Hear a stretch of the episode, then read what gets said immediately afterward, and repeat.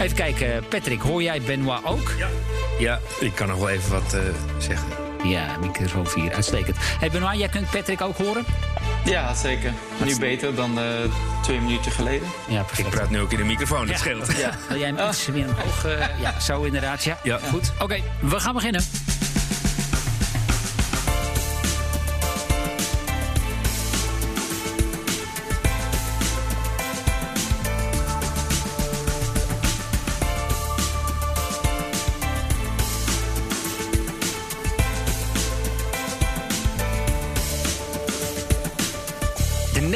Aflevering alweer is dit van BNR's Baanbrekende Businessmodellen. De podcast waarin we praten met bedrijven die zichzelf opnieuw uitvinden en nieuwkomers die bestaande markten opschudden. Ik ben John van Schagen en naast mij zit Patrick van der Pijl van Business Models Inc. Ja, Patrick, jij weet ook dat dit een tiendelige reeks is, hè, in principe. Ja, en uh, eigenlijk een start naar nog veel meer uh, ja. leuke uitzendingen. Laten we dat hopen, ja. We zijn in gesprek over verlenging en laten we ook echt daadwerkelijk hopen dat het zover komt. Um, overigens ook nog even nieuws voordat we beginnen, want jouw nieuwe boek is uit. En ik heb begrepen, volgende week dan neem je wat exemplaren mee. Ja, absoluut. Ja. Hoe heet die ook weer? Uh, business Model Shift. Ja, en toen je binnenkwam en je zei: Mijn boek is af, ik heb hem in mijn handen gehad. Dat was wel een soort van zucht van verlichting, hè? Ja, ik weet niet of je dat gevoel nog kent dat je vroeger je scriptie moest maken. Oh ja, ja, ja dat ja. keer drie. En dan eindelijk heeft hij hem dan ingeleverd en dan is de papieren versie daar en dan kun je hem vasthouden. Een heerlijk gevoel. Ja, de eerste podcast is dit, waarin onze gast niet hier in de studio staat. En dat heeft niet direct met corona te maken, maar alles met reistijd. Hij zetelt namelijk in Parijs. En ja, we durfden hem toch niet te vragen om hier naartoe te komen. om een half uurtje met ons te komen kletsen. Ik ga hem zo aan je voorstellen, maar niet voordat ik je iets meer heb verteld over onze podcastpartner Salesforce. Zij stellen bedrijven van elke omvang en industrie in staat om te profiteren van nieuwe technologieën. Dan kun je denken aan de cloud, voice, maar ook zoiets als kunstmatige intelligentie. Met als doel om op de meest effectieve manier verbinding te maken met je klanten. Ook adviseert Salesforce op het gebied van innovatie en groei om op die manier succesvol te zijn in het digitale tijdperk. Zij zijn de trotse partner van deze podcast en kunnen dus ook jouw partner worden in innovatie en digitalisering. Salesforce. Ja, Patrick, jij kwam geloof ik nog met het idee voor een bonusuitzending over het businessmodel van Salesforce. Is, waarom is dat interessant? Ja, ik denk toch dat het een interessant businessmodel is. We hebben het ook um, uh, uitgezocht in onze uh, boek als echte case study. En waarom? Je hebt wel een bedrijf die zeg maar in 30 jaar tijd naar 150.000 medewerkers is gegaan en 18 miljard omzet. Wow. En je zou ook kunnen zeggen dat zijn een beetje de gevestigde orde van de destijds grote ERP-softwarehuizen uh, aan het omgooien zijn. Oké, okay, nou gaan we na de uitzending nog even over kletsen. Wellicht nog een, een bonusshow die wij gaan toevoegen aan deze nu al succesvolle reeks. Ik ga onze gast aan je voorstellen. Hij is de Chief Innovation Officer van ING, Benoit Legrand. Welkom vanuit Parijs. En volgens mij Frankrijk ook je geboorteland? Nou ja, ja en nee, weet je, dank u wel. En uh, nee, ik ben uh, Belgisch eigenlijk. Dus ah. uh, ik ben nog iets verder gegaan van Nederland. Maar ja, heel dichtbij. Een paar jaren ook in Nederland al gewerkt. In, en, en, meer dan twintig jaar bij ING. Dus nee, ik ken wel Nederland vrij goed. Heel goed. En dan is natuurlijk wel de vraag: wat doet een Chief Innovation Officer bij een grote bank? Is dat nou vooral kijken hoe je een app-ervaring kunt verbeteren? Of ja, zit jouw werk toch meer in die grote strategische lijnen van waar gaan we op inzetten? Ja, ik wil zeggen eerder het, tweede. En uiteraard een goede vraag. Maar wij, wij als, uh, weet je, in, binnen innovatie en als Chief Innovation Officer is het gewoon, weet je, een bruggen bouwen. Hè, zo kan het inbeelden. Tussen het huidige en de toekomst. En we werken in bedrijven waar het voornamelijk wel korte termijn uh, wordt gedacht. Ik zeg, weet je, elk bedrijf bijna. En, en de rentabiliteit op korte termijn. Weet je, bij innovatie, wat, wat wij moeten doen is gewoon genoeg tijd uh, ambitie, um, uh, middelen vrijmaken om die toekomst te bouwen en dan die brug te bouwen naar het, uh, het onbekende. Want we weten ook niet hè, hoe het de toekomst gaat eruit zien. Maar, dus daar gaat het eigenlijk om. Ja, die bruggen bouwen. Ja, en je zegt dat kost tijd. Ben je van, van nature ook iemand die dan wel het geduld kan opbrengen? Ja, weet je, dat is een prima vraag. Want daar gaat het echt precies om. Hè? Dus het gaat om geduld. Want al die zaken nemen gewoon tijd. Maar aan de andere kant heb je geen tijd. Dus moet je ook heel snel kunnen leveren. Dus eigenlijk die, die, die twee zaken moet je bij elkaar brengen. korte termijn bovenop alles en heel snel kunnen schakelen, maar toch het geduld hebben en nog met andere manieren gaan meten hoe je de toekomst gaat bouwen. Dus ja, je, je, moet dat geduld hebben, maar je moet ook volledig ongeduldig zijn. Dus ja, het is wel een beetje schizofrenisch. Ja, daar lijkt het inderdaad wel op. Patrick, ik kijk even naar jou. Als je nou dat businessmodel van een grote bank gaat analyseren, wat kom je dan zoal tegen? Ja, dus eigenlijk zie je zolang wij uh, bestaan, uh, kennen we ook al zeg maar het bankieren. En dat komt omdat je leven opgebouwd op basis van krediet. En dat je als individu een beetje vaak de rol speelde of je hebt het geld of je hebt het geld daarin nodig. En je zag eigenlijk dat het veilig was om dit geld bij een bank neer te zetten. En die gebruiken dan weer jouw middelen om daar geld aan te verdienen. Dan zeg maar met een stuk dat heet een verdienmodel zoals rente. Ja, je ziet natuurlijk in de afgelopen jaren was dat voor banken eh, relatief makkelijk geld verdienen. Um, want het gaat ook in, enorme grootheden. Alleen um, als je nog één stapje dieper gaat, is um, de retailconsumenten zoals jij en ik, maar ook de bedrijven. Ja, en daar kun je dan diensten of, of, producten vinden die gaan over um, uh, een stukje financiering uh, met kredieten uh, en dergelijke. Dus um, het verdienmodel zit, zit hem heel erg in die, in die rente. Dus je ziet ook heel veel veranderingen in dat businessmodel van banken. En Benoit die zei dat zojuist al even. Zijn die vooral technologie gedreven? Ja, ik, ik, ik weet nog goed. Um, uh, ik mocht een keer op reis met Ralf Hamers, de nu voormalig CEO. Um, ehm, hij zei ook van ja, ik wil dat uh, mijn bestuursleden zelf meegaan naar Silicon Valley om te laten zien wat er in dit landschap allemaal aan het gebeuren was. Dat was destijds in 2013. En er was ook wat idee van hey, die start-ups gaan al die uh, grote bedrijven allemaal uh, opeten. Nou, we weten inmiddels dat dat wel uh, ietsjes anders is. Maar wat je daar wel ziet, is die veranderingen in dat businessmodel. Ja, zoals wel vaker in baanbrekende businessmodellen aan de orde komt. Ja, we leven nu in een digitaal tijdperk. Dus alles gaat digitaal. Dus dat betekent dat je in, in je bouwstenen van je businessmodel ja, ook wel andere type klanten gaat vinden. Je een heel ander kanaal. Dus zeg maar de, de website, de app. Maar ook die propositie die gewoon niet meer waar je dagen op moet gaan zitten wachten. Nee, nee want je hebt in feite een krediet binnen een minuut zo'n beetje. Ja, dat, dat, dat moet geen probleem eh, meer zijn. En dat, maar dat betekent dus dat je wel je systemen daarop moet aanpassen. En dat het veel meer gaat over uh, slimme algoritmes bouwen. Wat vroeger gewoon in de hoofden van, uh, van de bankiers zat. Ik had, ik had één bankier, dat was leuk, in het kantoor in Hoofddorp. En als ik dan naar binnen kwam, dan wist hij mijn rekeningnummer uit zijn hoofd. Oh, gaaf zeg. Ja, dat is echt. Nou ja, ik woonde vroeger achter een bank. Dus ja, ik zag inderdaad, ik heb dat ook allemaal nog van dichtbij meegemaakt. Het zijn oude tijden. Benoit, ben jij zelf, ja, jij bent zelf vast en zeker ook wel eens in Silicon Valley geweest. Misschien ook wel met met, eh, met Ralf Hamers mee? Ja, ik ben er ook al geweest en weet je, ik, ik, ik ken mijn eigen rekeningnummer ook zelf niet. Hè, dus in deze tijden van digitalisering. Dus dat vond ik wel een goeie. En ik ben weet je, volledig met, uh, met Patrick eens. Uh, weet je, wat hij zegt is helemaal terecht. Ik zal nog iets aan willen toevoegen. Is dat het eigenlijk het, bankmodel volledig op zijn kop gedraaid is. Wel echt uh, 180 graden. Maar als ik het even weet je, zwart-wit kan maken. We, we leefden toen in een wereld waar uh, banken hadden kosten. En dan moesten een prijs bepalen om een zekere uh, rendement hè, op hun kapitaal uh, op te brengen. Even echt zwart-wit. En, en de klant had bijna geen keuze. Nou, weet je, dat is de prijs. Dus ja, zo is het. Nou, met alles wat we hebben meegemaakt in de digitalisering, gaan we nu terug naar een.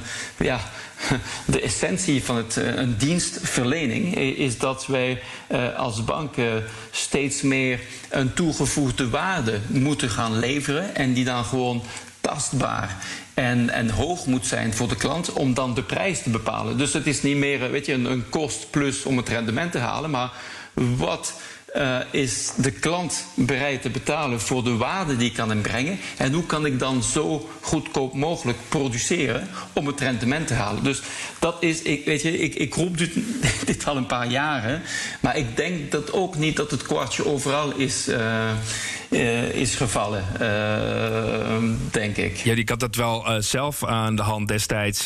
het twee jaar geleden. Ik ging naar een nieuw pand en uh, ING is mijn uh, huisbankier. En ik dacht, hé, hey, maar dan ga ik een krediet aanvragen. Alleen het kostte best wel veel tijd. En op een gegeven moment als ondernemer word je echt zenuwachtig. Want je denkt, oh, dit gaan we niet regelen. En uiteindelijk zie je wel ja. dat er dan ook alternatieven op de markt zijn... waarbij je zeg maar, met een split second um, zoiets wel kunt regelen. En toen dacht ik ineens, oh ja, nu snap ik wel dat je het woord toegevoegde waarde ook kunt zeggen van... hé, hey, ondernemer, doe jij je ding. Uh, wij hebben het algoritme en het komt, uh, komt allemaal goed. Uh, hoe kijk jij daar naar, naar Benoit? Ja, weet je, terecht. En wij moeten ook steeds meer klantgericht gaan denken. Hè. Iedereen roept dat, maar het moet ook in de feiten zijn. En, en, maar het goede is, is dat het, ondanks het feit dat heel veel verandert... uiteindelijk de basics veranderen gewoon niet. Hè. We hebben deposito's en wij moeten gewoon krediet verlenen. En een bank wil krediet verlenen. Dus begrijp me niet verkeerd, dat is wat wij willen doen. Sommige mensen denken het omgekeerd, maar wij, daar krijgen we ook een rentabiliteit van. Dus, en, en dat is precies ook waar de sterkte is van de banken en waarop wij kunnen leveren uh, met de technologie. Nou, ik leg even uit, weet je, riskmanagement. Dus de kennis van, van de klant, van de omstandigheden, hoe die portefeuille zijn uh, gedraaid in de laatste jaren. Dat is al die kennis die met de technologie kan versterkt worden en dan in staat zo, weet je, ons in staat zou moeten brengen om sneller, beter en een juistere besluit te kunnen geven aan de klant. Zodat de klant, ja, jullie gewoon, ja, jullie zaken doen. Weet je, niemand staat op ochtend en zegt, nou, weet je, verjaardag vandaag wordt een leuke dag. Ik ga naar de bank. Nee, weet je, nee. ja, ik, ik af en toe wel. ja, ja, ja, ja je moet wel. ik, ik, ik, ik, moet zeggen, weet je, jij wil gewoon er vanaf. Jij wil gewoon niet, maar jij wil je zaken doen. Je, je, maar de bank moet gewoon dat leveren. En de, ja. de technologie nu vandaag, die verandering, die maakt het wel mogelijk. En die gaan de komende tien jaar echt gebeuren. En degenen die het niet kunnen inbrengen in hun modellen, ja, dan gaan ze echt moeilijke tijden uh, meemaken. Maar vertel dan eens, Benoit, want de komende tien jaar, jij zegt ook, er gaat nog heel veel gebeuren. Neem ons eens mee naar die dat, dat, bankieren van de toekomst. Uh, hoe ziet dat landschap eruit en welke rol spelen jullie daarin als ING? Ja, het, het, het, is wel heel, we moeten wel heel nederig naar die zaken kijken. Want hè, we, uh, ik weet dat ik niet weet, hè, om het zo te zeggen, want we weten niet. Maar wat, wat ik denk, ik zie ook gebeuren, is dat heel veel ja, je ziet misschien twee verschillende modellen. Uh, modellen van uh, producent of uh, distributeurs. Dus mensen die denken echt dat ze een platform kunnen worden en de klantenrelatie beheren. En dan verschillende dienst, bankdiensten gaan leveren. Of banken die zeggen, nou weet je, ik ben gewoon van, van de techniek en van de infrastructuur. En ik ga gewoon, weet je, ervoor zorgen dat het werkt. Het zijn gewoon twee verschillende modellen. Nu zie ik wel daar iets veranderen. Ik zie ook uh, een paar uh, producten misschien iets minder uh, geleverd worden door, door banken. Zoals? Weet je, ja, als we twintig jaar terug in de tijd gaan, hè, denk aan al die uh, autofabrikanten die hun eigen banken hebben opgestart. Weet je nog, een jaar geleden Volkswagen banken, weet je, al die banken zijn opgestart. Toen was de meerderheid van de autofinanciering door banken verstrekt. Ja, nu is de meerderheid rechtstreeks door die... Um, door, die door, de, door de leasemaatschappijen. Precies, de, de autoproducent zelf, hè, de Renault, de Peugeot, al die mensen, die, die gaan zelf uh, het leveren. En het punt erachter is denk ik dat ze heel dichtbij het moment dat de klant een auto koopt, de financiering als een middel meebrengen om uh, misschien een andere auto met meer opties te gaan verkopen. En het is wel het moment. Het moment. Het duurt misschien een paar minuten of uren. Op dat moment is de klant weet je, bereid om die oplossing uh, te, gaan, uh, te gaan tekenen. en het is allemaal voorgekookt. Het, het ligt daar. Dus Want wat we, maar, dat noemen we shadowbanking, toch? Dat, die activiteiten. Dat schaduwen. Ja, nee. Ja, weet je, weet je of je dat shadow banking uh, noemt, maar het is gewoon, weet je, het zijn gewoon echt gereguleerde entiteiten. Het zijn banken, hè? dus het, het, zijn mensen die echt gereguleerd zijn. Hè? Dus dat is niet shadow. Maar het gebeurt op het moment dat de klantenbehoefte het hoogst is. En dat is denk ik wat elk bankier in zijn achterhoofd moet hebben: van wanneer is het juist moment om iets aan de klant aan te bieden. En dan moet je het ook snel uh, doen, want anders dan is dan dat moment weer snel doen. voorbij. Ja. ja, want je hebt geen aandacht. Je wil gewoon uh, niet van je, je. Je wil gewoon geen tijd spenderen hiermee.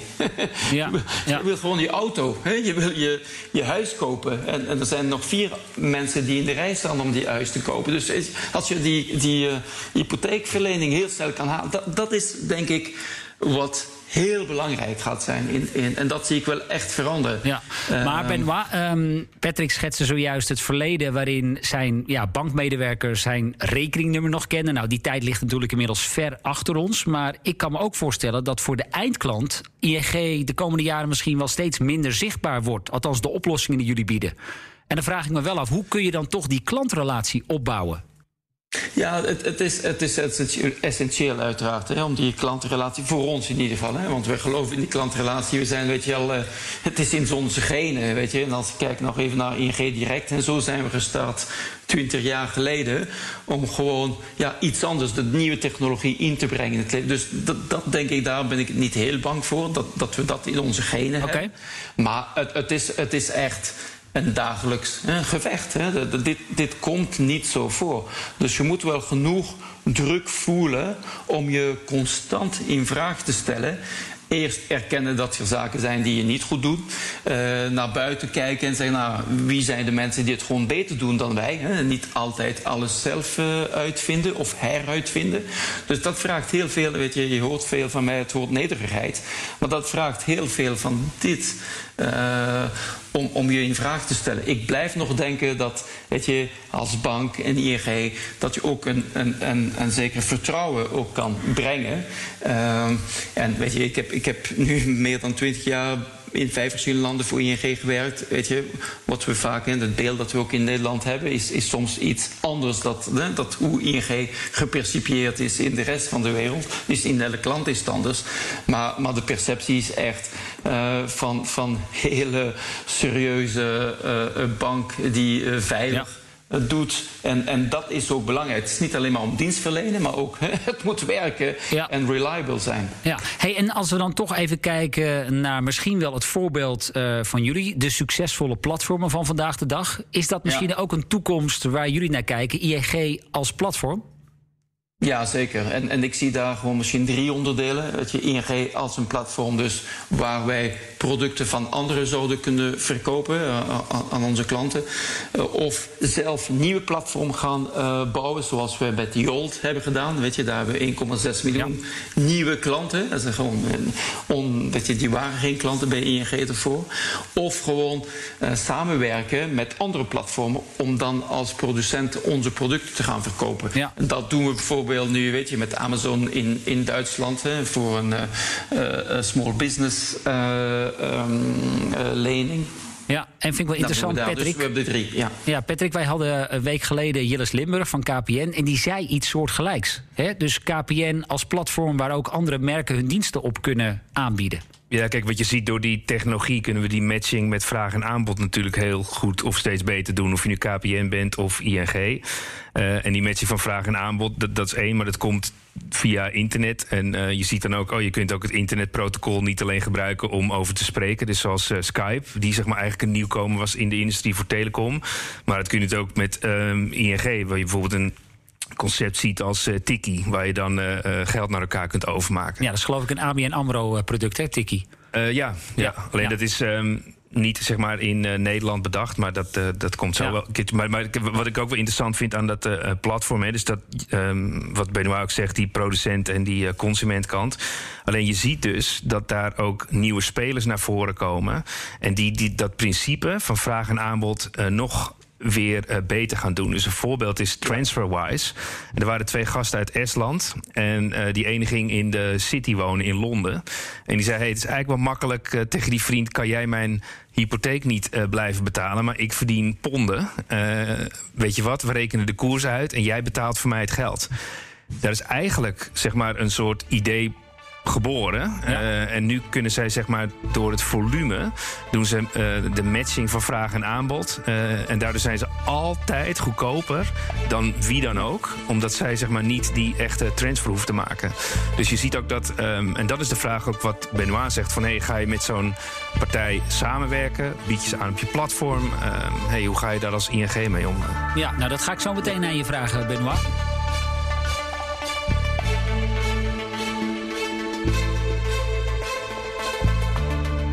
Maar eerst onze negende aflevering alweer is dit van BNR's baanbrekende businessmodellen. En Benoît Legrand is van ING.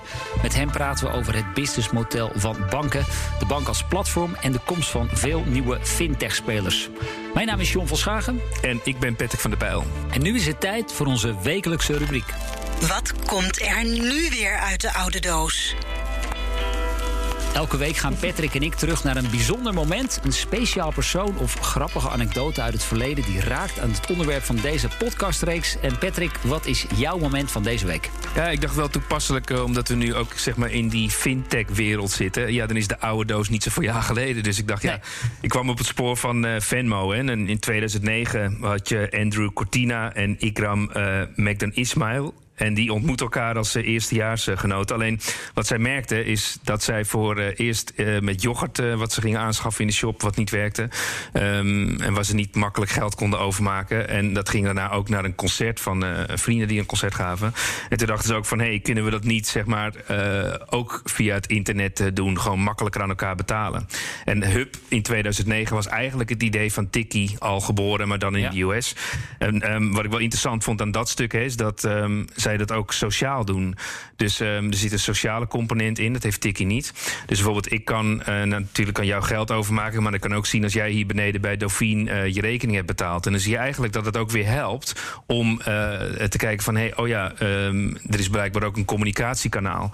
Wat het ook doet, is dat je ziet dat je um, betalingen kunt accepteren, maar ik kan ook mijn eigen portemonnee aanmaken op Venmo. En dan kan ik ook naar jou en mij um, zonder transacties af te rekenen uh, betalen. Nou goed, de eerste slag die ze ophaalden was 1,2 miljoen. En uiteindelijk is het overgenomen uh, door uh, hoe heet het, PayPal. Ja. En dat was uiteindelijk ging het over bijna een miljard qua wow. overname. Ja, echt wel een succesvol mm. voorbeeld in die fintech sector. Ja, mijn moment dan. Ik ga weer eens heel veel verder de geschiedenisboeken in. Naar het jaar 1472. De oprichting van de Banca Monti dei Pasci de Siena. De oudste bank ter wereld, gevestigd in de Italiaanse stad Siena in Toscane. Wel opvallend, deze innovatie kwam van de overheid. En dat was een reactie op de woekerrentes die toen werden gevraagd door mensen die als zogeheten privémakelaars acteerden. Mensen die geld uitleenden voor de aankoop van een huis. Nou, de bank uh, bestaat nog steeds, kwam overigens wel tijdens de kredietcrisis in grote problemen. Werd destijds door de Italiaanse regering overeind gehouden met miljarden euro's. Ja, Benoit, vijf en een halve eeuw oud. Dan hebben jullie geloof ik nog een lange weg te gaan, hè? Ja, zeker, zeker. Maar weet je, het, weet je, het brengt ook nog het punt van nederigheid. Want je kan heel sterk, je kan de eerste zijn, maar weet je, je moet constant, you're never there. Hè? En, en je moet je constant heel aandachtig kijken naar wat je beter kan doen. Ja? We hebben dus talrijk van die Kodak of Xerox voorbeelden, weet je, ter wereld. Dus ja. Uh, het, het, het, is een, een never-ending nee. uh, uh, gevecht. Je moet jezelf steeds opnieuw blijven uitvinden. En laat dat nou toevallig ook het onderwerp zijn in deze podcast. Benoit Legrand dus, de Chief Innovation Officer van ING. Hij is deze week onze gast. En Benoit, Patrick refereerde er zojuist al even aan. Heel veel nieuwe fintech-spelers die er de afgelopen jaren zijn bijgekomen. Ja, ik ja. betaal bijvoorbeeld ook uh, al een uh, poosje via Apple Pay. Gisteren bestelde ik nog iets online en betaalde ik met Molly. Zien jullie dat soort ontwikkelingen nu als bedreiging of als een kans?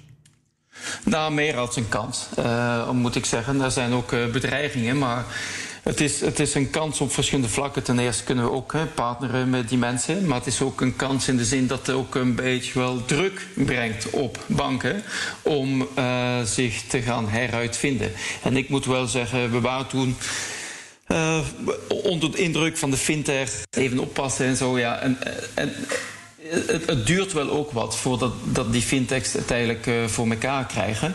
Maar aan de andere kant is er ook heel veel kennis, weet je, al een bank, dan zal ING, weet je, 53.000 mensen die soms weet je, jaren eh, al werken. Dus die ervaring is er, de kennis is er. En ik moet wel zeggen, uh, elke keer dat wij zo'n uh, weet je, een innovatie zien, eh, dan spreek ik met mensen intern en, en zeggen allemaal, ja, weet je, dat kunnen we ook doen. Ja, het probleem is ook hè, dat die mensen het al gedaan hebben en wij het nog niet doen. Dus ja. de vraag, ja, weet je, neem maar even heel eerlijk. En, en de vraag is voor ons om te kijken hoe kunnen wij onszelf organiseren om al die zaken voor elkaar te krijgen. Want weet je, de kennis is er, hè, de klanten. Uh, de, de, vraag is hoe je dat al die zaken uh, samenbrengt. Ja. om het naar de markt, naar de klant te brengen. En Maar- daarom zeg ik, weet je, die fintechs, Ja. die zijn wel, eh, vrij positief in die zin. Nou, zie je wel, het gebeurt. Dus anderen doen het, moeten we het heel snel doen. Ja, maar je zegt de kennis en ervaring hebben we. De vraag is natuurlijk wel of zo'n grote organisatie ook de wendbaarheid heeft. Ja, dat is precies eh, wat, wat weet je, eraan werken. Het, het ligt heel veel in de cultuur. Dus elk bedrijf weet je, verandert op zijn eigen tempo. Nou, ik moet zeggen, bij ons, en het, weet je, het is niet alleen ING, maar weet je, het, het Nederlands. eh, Weet je, eh, de, de veroveringsgeest eh, eh, helpt dat ook, weet je. Het is, er, er is altijd innovatie geweest in, in dit land. En, en dat is ook in de genen van Nederland. En bij ING dan ook bij. Dus dat is er wel, eh, Ja. eh, om het voor elkaar te krijgen. Dus ja, beter denk ik dat misschien in andere landen... waar meer traditioneel denken. Over die innovatiedrift, eh, daar wil ik het zeker nog even met je over hebben. Je vertelde ook, eh, het is een, een kans, hè, het, al die, die fintech-spelers. En jullie werken daar ook actief mee samen. Hè? Het zijn er volgens mij bijna 200, klopt dat? Ja. Ja. Heb je daar een aantal voorbeelden van? 200, ja. Oh ja, eh, voorbeelden, ja, zeker. Ik kan eh, bijvoorbeeld Mina eh, Technologies in, in België noemen. waar je ook via de app van, van ING kan je, je verschillende abonnementen gaan beheren. Je, weet zelfs niet meer hoeveel je betaalt voor Netflix, KPN, al die zaken. Die, weet je, 5 euro hier, 20 daar, 100. Dus dat is ook een manier om in je app het onmiddellijk te kunnen eh, beheren. Kijk, die mensen hebben het echt goed gedaan. Dus eh, ja, waarom zou het eh, gaan heruitvinden? Voorbeeld ook in de KYC, hè, dus Know Your Customer, met Mitec bijvoorbeeld.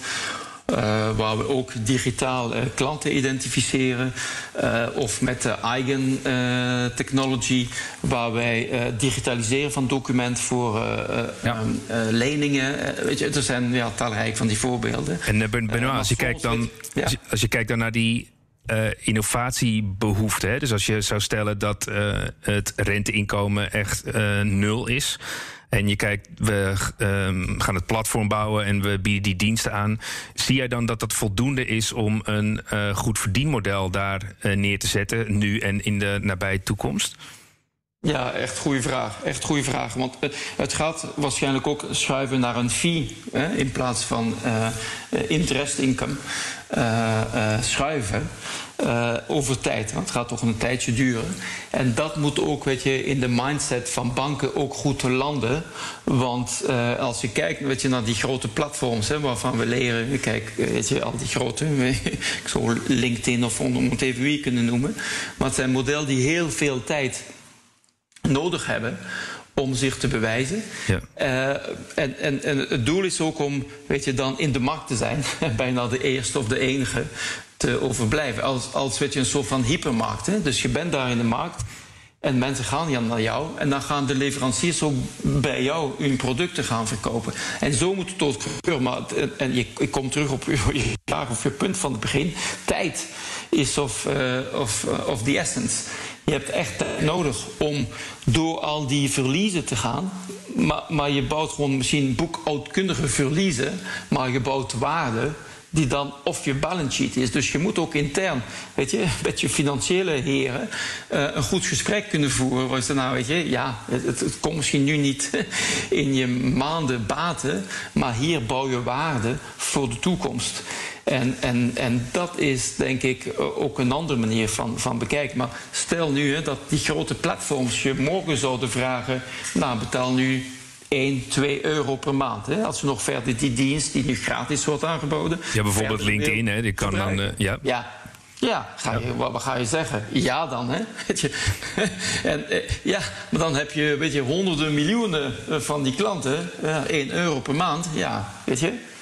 Dat schiet op. moet je voorstellen. Dus je moet, je moet anders redeneren. Dat is ook, weet je, je had het voorbeeld van Venmo. En dat, dat is precies hoe de waarde wordt berekend. Op een heel andere manier. Eh, kijk naar de, naar de, de, de, de beurswaarde eh, van, van, van bedrijven. Hè. En dan heb je daar ook inzicht in hoe, in hoe de markt denkt dat de waarde in de toekomst gaat gecreëerd worden. Ja, Patrick, ehm, ik vertelde zojuist al even, 200 partnerships maar liefst, ING. Uh, tal van namen. Benoit gaf zojuist een aantal voorbeelden. Is dat nou inderdaad slim bekeken? Ja, je, wat je eigenlijk ziet gebeuren is zeg maar. Kijk, we, we, leven in een hele digitale wereld. En je ziet uiteindelijk dat uh, niet meer enkele spelers dat geheel allemaal kunnen overzien. En dat betekent ook dat je in die snelheid het niet allemaal zelf kunt ontwikkelen. Dus het is heel slim om het met partners te doen. Um, uh, je kunt eigenlijk ook wel misschien een strategie hebben dat je zegt: hé, hey, we zien een paar hele interessante voorbij komen. En hap, uh, we maken een slag om die bijvoorbeeld bij ING in te lijven. Al is de vraag of je dat technisch ook wilt doen. En misschien dat je het wel mee, mm. dat je ze overneemt, alleen binnen jouw systeem gaat opereren. Maar dat is eigenlijk wat je steeds meer ziet, is een soort ecosystemen. Uh, waar je met elkaar waarde toevoegt, maar waar je ook wel met elkaar het geld uh, aan het verdienen bent. En niet meer één uitsluitend het geld aan het verdienen is. Ja, Benoit, zie jij dat ook zo? ING als een soort, ja, laten we zeggen, bovenop het ecosysteem? Ja, dat is precies. Weet je waar het gevecht uh, plaatsvindt. Hè? Wie, wie heeft dan de klantrelatie? En als je bovenop kijkt, weet je, het voorbeeld van Jolt, hè? dat is gewoon precies dit. Je, wij aggregeren uh, bankrekeningen uh, en, en, informatie over klanten, maken hun leven gewoon makkelijker om op één plek hun geld beter te managen. Maar daarmee heb je ook meer informatie om betere dienstverlening te kunnen geven. En, en daar heb je wel de relatie met, met de klant. Dus dat denk ik echt. En als je dan inderdaad uh, zo'n positie verwerft, dus dat jullie die relatie met die klant hebben, die wil natuurlijk. Zeker als, nou ja, laten we even de vergelijking maken met online shoppen. Het moet persoonlijk, direct, relevant, naadloos. Dat vraagt ja. natuurlijk wel heel wat van jullie innovatievermogen. Zeker, zeker, zeker. Uh, wat is daarbij het ja. allerbelangrijkste aspect? Zit hem dat in cultuur? Ja, ja, echt cultuur. Want uh, technologie, uh, ik ben geen techneut, maar weet je, daar gaat het gewoon niet om. Hè. Het gaat echt om wat je ermee doet, uh, hoe je de klant respecteert, uh, wat je met de, met, weet je, met de klantendata doet, hoe je het gewoon die, die toegevoegde waarde brengt. En dat zijn gewoon mensen. Weet je, dat, dat zijn gewoon mensen. het, het, het, is niet een technologie. Technologie nee. doet wat de mens hen vraagt, hè, tot nu toe. Hè. En nu ben jij als Chief Innovation Officer, laten we zeggen, verantwoordelijk dan voor die innovatieve cultuur. Is dat iets waar je veel mee bezig bent? Hoe ontwikkel je dat? Ja, ja, dus we hebben uh, een paar jaar geleden een, een eigen methodologie ontwikkeld, uh, noemt PACE. Met, met agile, weet je, met alles wat je er nog kan bedenken, wat nu ook mainstream is vandaag, hebben we op dit moment bijna weet je, 10.000 van onze medewerkers getraind om weet je, op die manier naar verandering en IT-ontwikkeling te gaan kijken. En, en het staat met de klant en het eindigt met de klant. Dus wat wil de klant? Heeft een klant een probleem, ja of nee? Of is het gewoon mijn ego die ik probeer te voeden vanuit product management? Nee, heeft de klant echt een probleem? Maar een echt probleem waarvoor hij bereid is iets te betalen uh, die ons minder kost dan dat om te produceren. Ja. En kunnen we dat ook verder schalen? Dus elk, elk, op elk moment gaan wij de klant vragen: wil u die laten? Does this make sense to you? En daar gaan we stoppen als niet. En we hebben nu 10.000 mensen getraind, dus, en, en het gaat nog duren. Ja. Ik zou zeggen never ending, hè, maar, nee. maar zo moeten we ook kijken, die transformatie. We kijken soms naar televisie en zeggen, nou ja, mooi, weet je, de wereld is nu veranderd. Maar het duurt wel 10, 20 jaar voordat al die grote veranderingen effectief mainstream zijn. Weet je, de, de uh, 3D printing, weet je, of uh, computer. Ja. Als je kijkt naar geschiedenis, het, het, het bestond al jaren voordat het gewoon. Uh, um, door heel veel mensen gebruikt was. Ja, voordat het echt uh, mainstream werd. Wij zijn toch wel een beetje ja. nieuwsgierig geraakt. Pees, um, kun je ja. ons een heel korte stoomcursus geven? Wat zijn daarvan de belangrijkste elementen? Uh, ja, hoeveel uren heb ik? Ja, nee. uh, dit, dit, keer geen urenlange presentatie. We willen het echt uh, heel kort. Het, het goede nieuws is dat er heel veel uh, uh, YouTube-video's zijn. Ah, okay. op Paces voor, voor degenen die het verder willen bekijken. Ja. Maar weet je, op, op korte termijn, dus we hebben gewoon het proces in verschillende stappen gezet: problem fit, solution fit, market fit. Ja. En gaan we kijken, eerste vraag, weet je, heeft de klant echt een probleem? Ja of nee? Gaan we het stagegate zeggen? Nou, en misschien stoppen wij dan 10, 20, 30.000 euro om te gaan kijken. Ja, wel, het gaat goed. Dan gaan we een, een oplossing bouwen. En is die oplossing dan goed voor de klant? Dan gaan vragen, nee, nou ja, precies, nou, dat is goed. Dan gaan we misschien iets meer geld erin stoppen. En dan gaan we gewoon ja, een echte IT-oplossing gaan ontwikkelen. En dan gaan we testen in de markt. Hè. Nu met de echte app, hè, werkt dat? Ja, oké, dan gaan we schalen. Dus het is een soort van, van stapsgewijze methodologie om altijd vragen aan de klant te stellen, Ja. feedback te halen. En dan besluit te nemen op basis van die feiten, wat de klant vindt. Want de klant vindt het gewoon en weet het waarschijnlijk beter dan een productmanager die misschien al twintig jaar doet en Ja. die denkt dat hij alles weet. Valideren noemen we dat, geloof ik. Patrick? Ja, juist. Ja, ja. Zeker. Ja, kijk, wat het interessant maakt, die, deze discussie, is dat. ehm, als ik weer even terugneem naar eh, 2013, is ehm, eh, uiteindelijk Ralf die concludeerde naar die Silicon Valley trip, dat hij zei.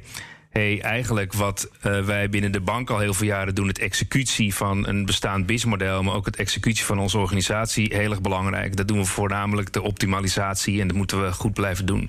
Alleen wat we van die start-ups leren is buitengewoon interessant, want die komen in een nieuwe wereld en die kijken niet, we hebben een product, we gaan dat pushen, maar die willen klantproblemen snappen en dat oplossen. En hij zei ook, ja, maar dit moet het DNA van onze ING-organisatie zijn. Maar we zien ook eh, dat je dan die kwaliteiten moet ontwikkelen. Dus eh Pace is daar een voorbeeld van. Maar dat zien we ook bij andere bedrijven terugkomen. Want je weet wel hoe je eh, core business werkt en hoe dat product. Je hoeft niemand uit te leggen hoe je marketing moet doen. Maar wat je wel uit moet leggen is van hey, hoe gedragen we ons meer als een, een start-up. Zodat we ook die innovatiestapjes eh, goed kunnen uitvoeren. En dat is wel echt iets wat heel belangrijk is op de agenda van, van de bedrijven vandaag. Ja, eens. Volledig mee eens. Dat is wel. En je gaat terug naar cultuur, weet je, hoe, hoe je dat bekijkt. En weet je, ik ben persoonlijk geen fans van, eh, weet je, Silicon Valley eh, tourism. want het is wel goed. Maar uiteindelijk moet dat in, in, in het achterhoofd van elkeen van de persoon. Weet je, het moet echt het kwartje vallen Ja. bij elkeen van de medewerkers. Die zegt, nou, wat is nu mijn persoonlijke verantwoordelijkheid om mijn bedrijf innovation enabled te maken? En dat is, dat is wat er moet gebeuren. Ja, voor sommigen gebeurt het als ze in de Silicon Valley het zien. Maar, maar dit is precies wat moet gebeuren. Ehm, om, om zelf dan die verantwoordelijkheid te nemen. Want eh, in- innovatie gaat het niet voor iedereen oplossen. Hè? Dus Nee, nee, dat is duidelijk. eh, ING, ING gaat het eigenlijk maken als we 53 mensen bij elkaar brengen en samen innoveren. Benoit, als ik nu straks naar huis rijd en ik zit vanavond aan de Ja. etenstafel en ze vragen daar aan mij: Oké, je hebt eh, de meneer van ING gesproken, maar hoe ziet ING er dan over pak een beet vijf tot tien jaar uit? Wat is dan de rol van de bank? Wat vertel ik dan thuis? De rol van de bank gaat, weet je, eh, het zou een beetje zoals eh, zuurstof eh, moeten zijn.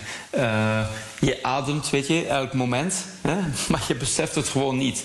Maar als je nu voor ja, 30 seconden gaat stoppen, dan besef je onmiddellijk dat je een echt probleem hebt. En zo moet een bank, denk ik, opereren. Eh, je- de bank moet er gewoon niet zijn, moet gewoon bijna niet gezien worden. Maar als je een probleem hebt of een, of een, een nood hebt, dan moet je gewoon heel snel goed oplossen met, weet je wel, gezond, eh, gezond zuurstof. Dus even zo'n metafoor, maar misschien helpt dat. Maar misschien als je dan, eh, als je dan een ehm, kortademig bent, dan sta je rood, of niet? Ja, zoiets. Ja, ja. Ja. ja. dan drie seconden moet je inademen, denk ik. Hè? Dus- Dat lijkt me wel. Dat lijkt me wel. Ehm, we zijn eh, bijna aan het einde gekomen van, eh, van deze podcast. Ik geloof dat we Bitcoin en blockchain nog niet eens behandeld hebben. Patrick, moeten we het daar nog over hebben? Nou, dit wordt wel weer een heel eh, nieuw onderwerp. Maar misschien is er iets wat Benoit zegt. eh, ja, dit is wel heel interessant wat ik wil delen. Ja, het, eh, ja weet je, het, eh, het is zeker interessant. Dit, gaat denk ik nog wat tijd vragen. De technologie is er, maar er zijn ook heel veel zaken die op eh, regulatorisch vlak opgelost moeten worden. Om die zaken ook mogelijk te maken en, en mainstream te maken. Maar weet je, qua technologie, ja, is er iets. De vraag is hoe dat eigenlijk uitgebreid kan worden. Ik denk dat we daar heel veel van de van de, van de overheid eh, nodig hebben om, om duidelijke richtlijnen te hebben. Maar weet je, technisch gezien eh, kunnen we wel vrij snel, snel klaar zijn. Dan eh, stel ik voor dat wij over eh, pak een twee jaar, als wij de honderdste podcast gaan maken, dat we jou weer gaan uitnodigen. en dan gaan we het helemaal over deze twee onderwerpen hebben. Dankjewel. Dankjewel. Chief Innovation Officer van ING, Benoît Legrand. Ja, het zit erop. Deze negende episode van Baanbrekende Businessmodellen. Check ook de andere aflevering in deze reeks. En volgende week vrijdag, dan zijn wij er weer met nummer 10. En als gast Ethos. Dag.